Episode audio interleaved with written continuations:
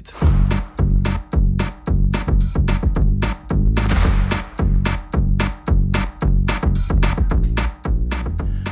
10 milijonov evrov. Za toliko namerava država zmanjšati proračunske izdatke na račun ponovnega vrčevanja v izobraževanju v letošnjem letu. Vsakoletnemu klestanju proračunskih izdatkov strani političnih odločevalcev na račun javnega izobraževanja je s 1. januarjem sledilo novo, brez dogovora s sindikati. Ukrepi, ki bodo ponovno targirali javno izobraževanje, so med drugim učiteljem se ukinja plačilo za izvajanje učne pomoči učencem, zmanjšujejo se sredstva sredstva za srednje in glasbene šole, interesne dejavnosti in šolo v naravi. Vse skupaj za 10 milijonov evrov.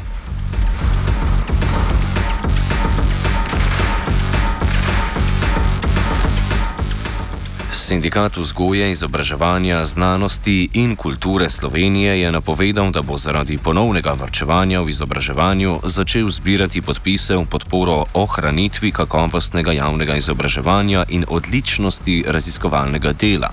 S peticijo pozivajo vlado naj takoj preneha z uničujočo prakso zmanjševanja sredstev za javno izobraževanje.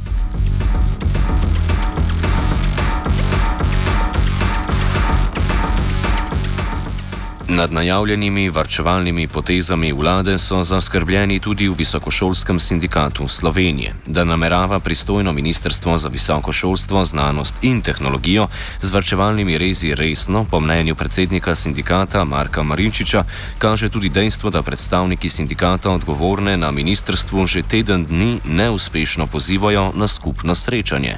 V bistvu me preseneča, da ministrstvo po več kot uh, enem tednu uh, še vedno ostaja popolnoma neodzivno. Mi smo dejansko zahtevali kot reprezentativen sindikat uh, uraden uh, sprejem, ampak odgovora se do danes uh, ni. Skratka, ministrstvo se očitno uh, izmotava, očitno misli s temi novimi rezi v področju visokega šolstva popolnoma uh, resno in po mojem je v tem smislu ne samo Eh, ministrstvo v trenutni zasedbi, ampak tudi vlada na resni politični preizkušnji, če se izrazim zelo diplomatsko.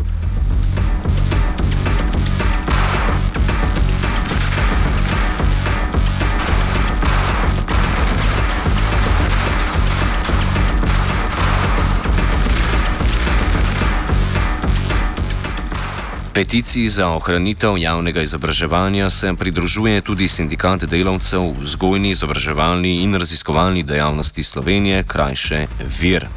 Bojan Hribar, generalni sekretar o podpori in pozivu vladi. V sindikatu VIR smo se odločili, da bomo, eh, ko smo obravnavali to nastalo problematiko, podprli pobudo eh, SVIZA, in bomo šli tudi mi in bomo pozvali naše članstvo, da naj podpiše eh, to peticijo, s katero eh, pozivamo vlado, da naj za božjo voljo že enkrat neha z največjimi topovi sekati ravno po vzgoji in izobraževanju, ne, ki je zdaj v zadnjih kar nekaj letih bi bilo vedno najbolj na udaru, ko so bili ko so bili pred nami tako zvani vrčevalni ukrepi. Uh, zdaj, uh, najbolj nas je seveda presenetila popolna ukinitev financiranja učne pomoči, uh, čemu seveda naše članstvo odločno nasprotuje in smo v tem primeru, ko gre dejansko tudi za poseg v veljavni dogovor, o ukrepih eh, na področju plač in drugih prejemkov za leto 2015. Eh, pomenijo, ta ukrep pomeni dejansko tudi kršitev aneksa eh, kolektivni pogodbi za javni sektor, ki je bil sprejet hkrati z samim dogovorom in je nekak, nekako njegova izvedba. Zdaj, eh, kar je, to nas je še toliko bolj presenetilo, ker se je vlada obvezala, da ne bo uh, enostransko posegala na področje plač in drugih prejemkov. Ne. S tem ukrepom pa je v bistvu ministrstvo storilo ravno to. Z načrtovanim 10-milijonskim šparanjem na področju izobraževanja skuša vlada, po mnenju Marinčiča, v proračun vrniti znesek, ki ga je nameravala prihraniti z načrtovanim vrčevanjem v javnem sektorju v okviru letošnjega proračuna, pa se mu je po kasnejšem sporazumu s sindikati morala odreči.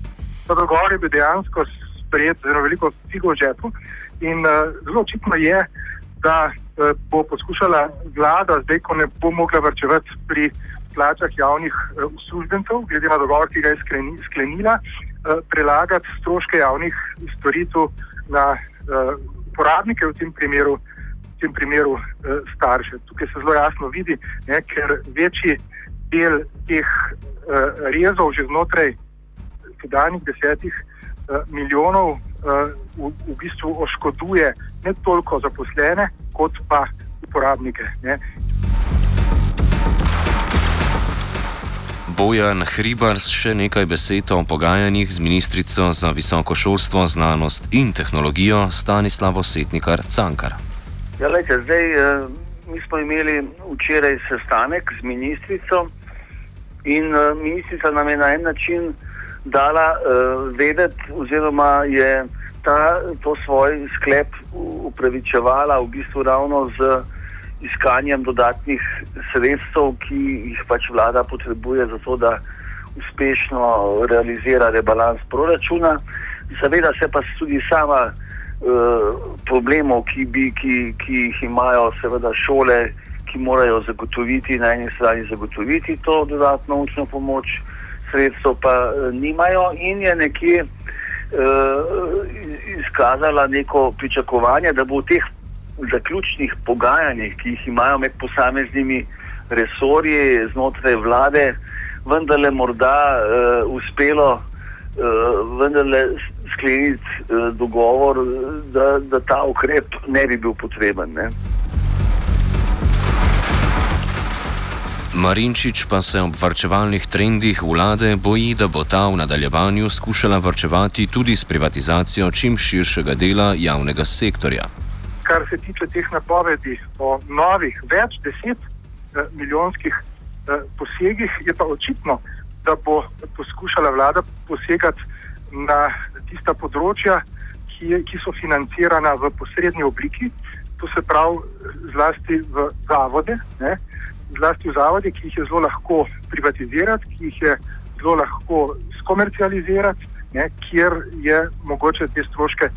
Eh, na zelo preprost način uh, prelagati, uh, prelagati na prebivalce.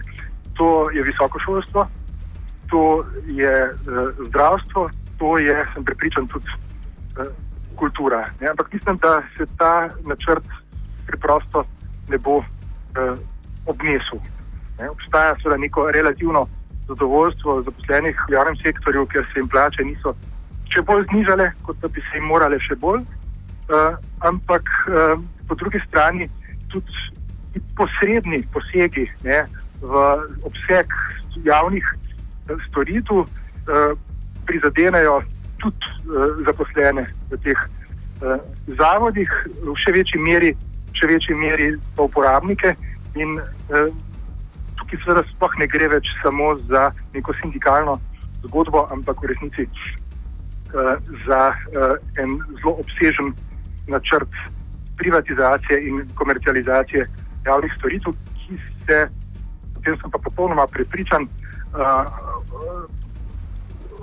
v razmerah, ko imamo relativno šibko, stabilno vlado, ne bo potrebno.